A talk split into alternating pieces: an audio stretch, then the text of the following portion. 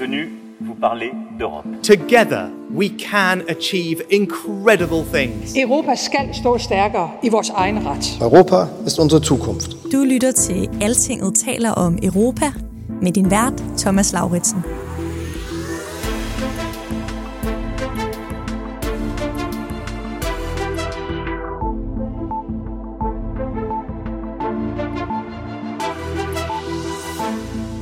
Was almost like the Parliament saying, well, we don't matter as much as other things, so therefore we can be a little, little, little looser with, with our rules. But I think this has been a huge wake-up call for the Parliament and the EU generally.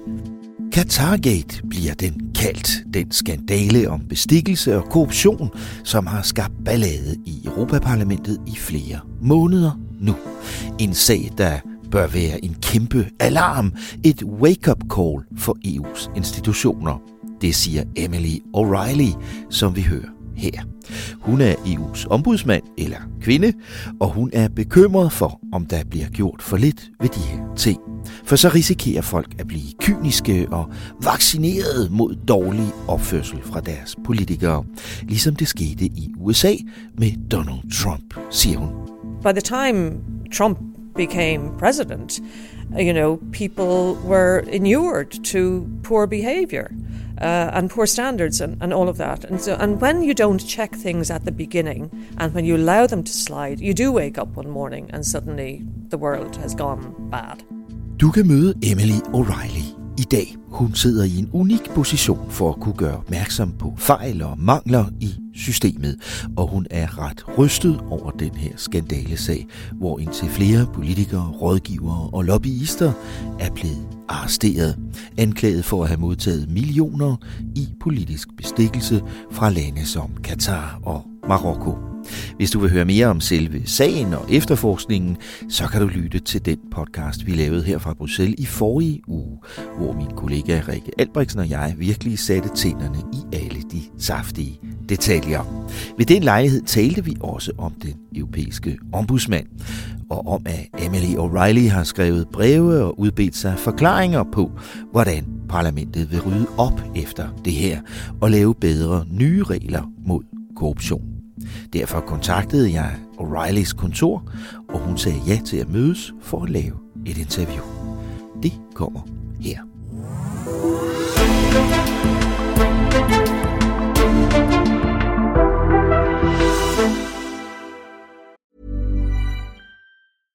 Hey, I'm Ryan Reynolds. At Mint Mobile, we like to do the opposite of what Big Wireless does. They charge you a lot, we charge you a little. So naturally, when they announced they'd be raising their prices due to inflation, we decided to deflate our prices due to not hating you. That's right. We're cutting the price of Mint Unlimited from $30 a month to just $15 a month. Give it a try at mintmobile.com slash switch. $45 upfront for three months plus taxes and fees. Promote for new customers for limited time. Unlimited more than 40 gigabytes per month. Slows. Full terms at mintmobile.com.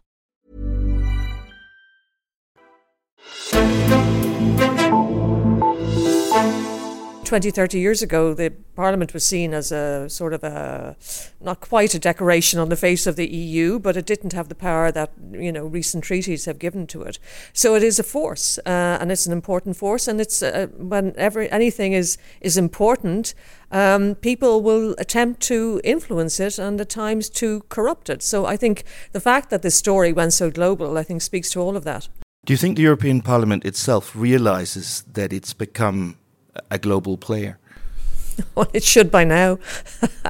I I don't know. I mean, I was I was I was you know when all of this happened, I was reflecting on you know why it happened and how it happened and all all that stuff, and uh, you know it, it struck me that the Parliament hasn't caught up with its own power or sense of power. It hasn't internalized, you know, what a powerful force it is. I mean, it co-legislates with the council, with the member states, you know, um, and so yeah, I, I think that uh, I think that was reflected in this as well. And I think the fact that in a way that there was such complacency around the rules, it was almost like the Parliament saying, well. We don't matter as much as other things, so therefore we can be a little, little, little looser with, with our rules. But I think this has been a huge wake-up call for the Parliament and the EU generally. What do you think the Qatargate scandal teaches us? Oh, be careful where you put your money. Um, What does it teach us? It teaches us, you know, just the simple rule: be good, don't do bad things. I think it teaches us that, um, you know, uh, that the EU needs to guard against uh, corruption, and it needs to. I mean sometimes this is discussed as we're discussing it now, or, or, as I have discussed it before, in terms of ethics and those sort of abstract uh, issues. But but I, I think this should be seen as a, a, kind of a business issue. You know, if if you thought that your particular company was going to be corrupted, infiltrated, whatever, you'd be doing everything you could to shore up, you know, the the the you know what, whatever processes you have in order to avoid that happening. And it should be exactly the same with the European Parliament. I mean, as soon as that happened, they should have been saying, okay, how do we make this institution as corruption free as possible? And there shouldn't have been really too much debate about it.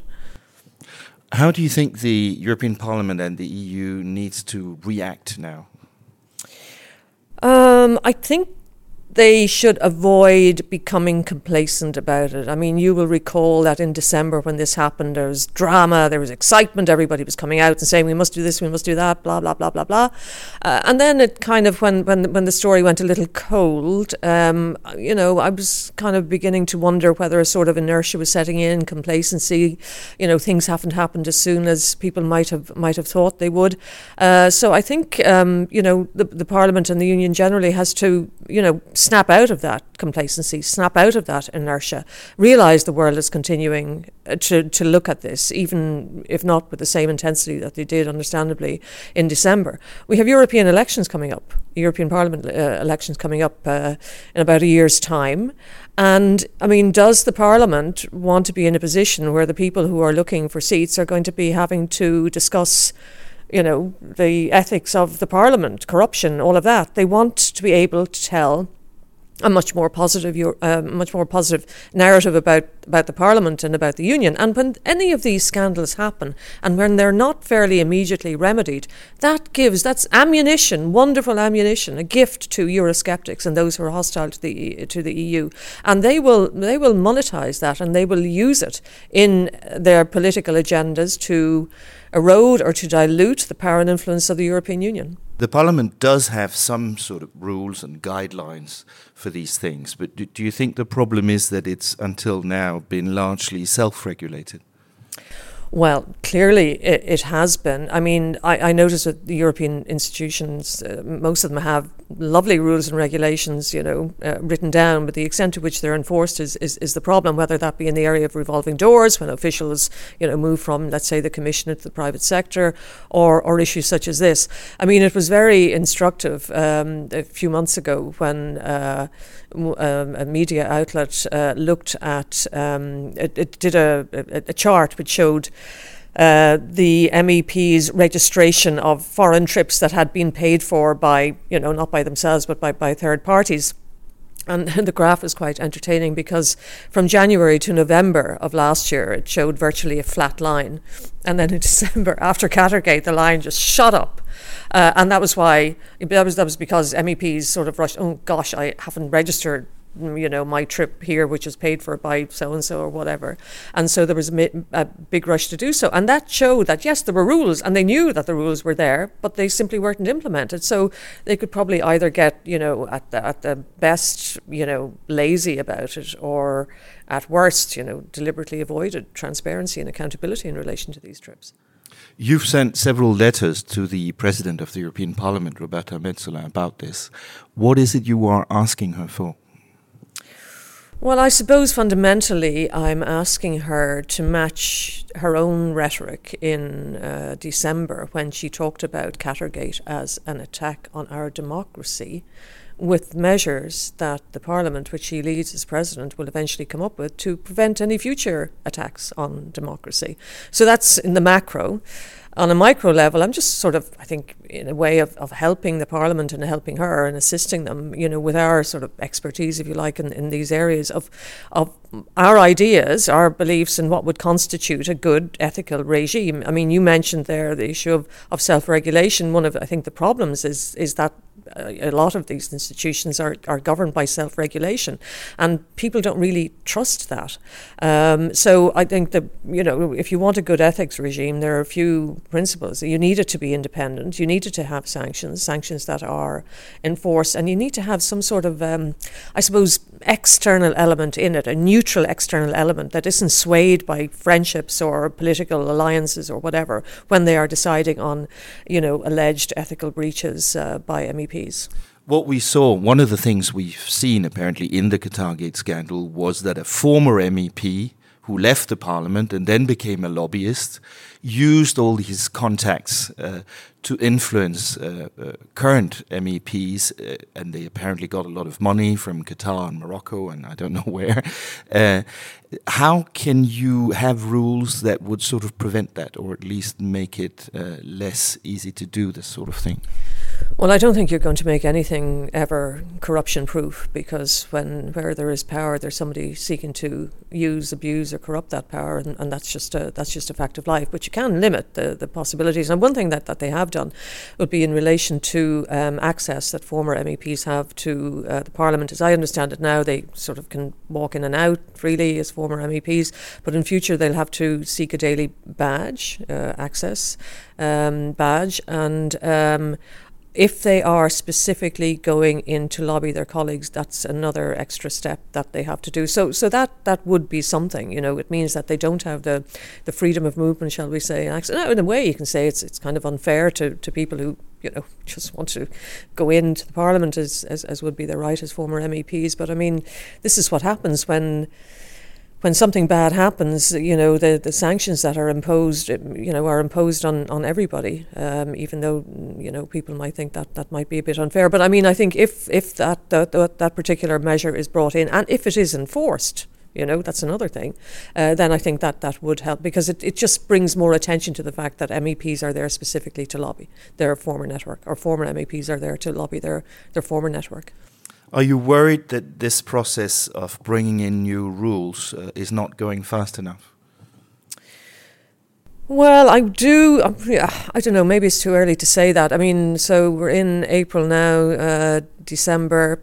Look, I mean, I've always found as as ombudsman and as, as a former journalist as as well. Um, when there is political will to do something, it happens, and it happens very quickly, and resources are found to do it when the political will isn't quite there or when it's contested, you know, when there are different views about it, then it can go slowly. So, you know, the Parliament, you know, uh, President Metsola is giving us updates on, on what, what they're doing. Uh, the Commission has, has uh, said that it will come out with its its proposals um, next month you know, I mean, in a way, Qatargate has slightly gone off the sort of the, not quite off the, the, the, media spotlight, but it's not in it as strongly as it was. But I mean, we have to remember that the court cases involving the people who have been um, charged in relation to Qatargate, they will start happening. And I'm sure they will be heavily reported mm. on a daily basis, and that will bring the whole thing back into into focus again. And uh, you know, the the Parliament and the Commission will have to have something to show to the people that they have taken and are taking this seriously. Do you think that President Metsola is facing a pressure uh, trying to prevent these reforms or slowing them down?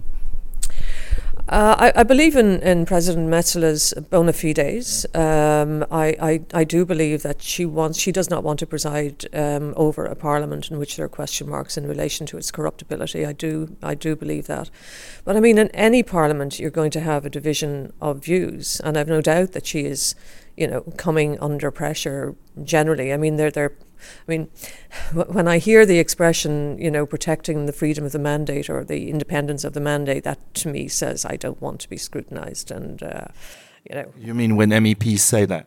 Yeah, when MEPs talk a lot about the independence of the mandate, and I think you have to respect the independence of the mandate, of course, you know, because that's a protection for citizens as well. They they have been elected by citizens as well. But sometimes I feel that this use of the phrase independence or freedom of the mandate is just there to act as a barrier against uh, greater scrutiny and greater accountability. So I've no doubt that President Metsola, look, there are many political groupings in, in the party. She presides over over the entire parliament, so I'm sure sure she is getting different viewpoints in relation to how strong the future ethics rules should be. I mean, they say we should be free to meet who we like and go where we like, and nobody disagrees with that.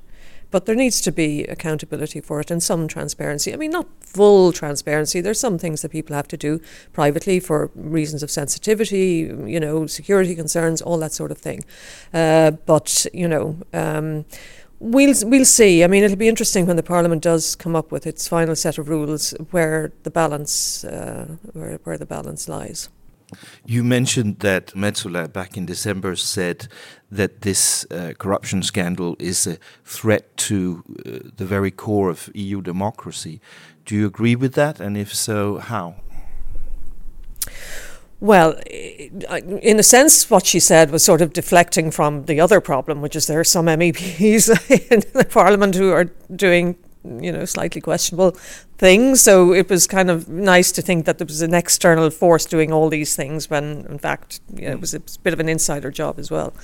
Uh, but, I, you know, sometimes people think threat to democracy is too strong. But, you know, I when you, when you look at history, you know, bad things don't happen overnight. Uh, bad things happen uh, incrementally, and when they're not uh, checked. I mean, you know, I often say Donald Trump didn't emerge overnight. Okay, he was he was elected, but you know, he was the reductio ad absurdum of the polarization that had been taking place uh, in US politics for many decades.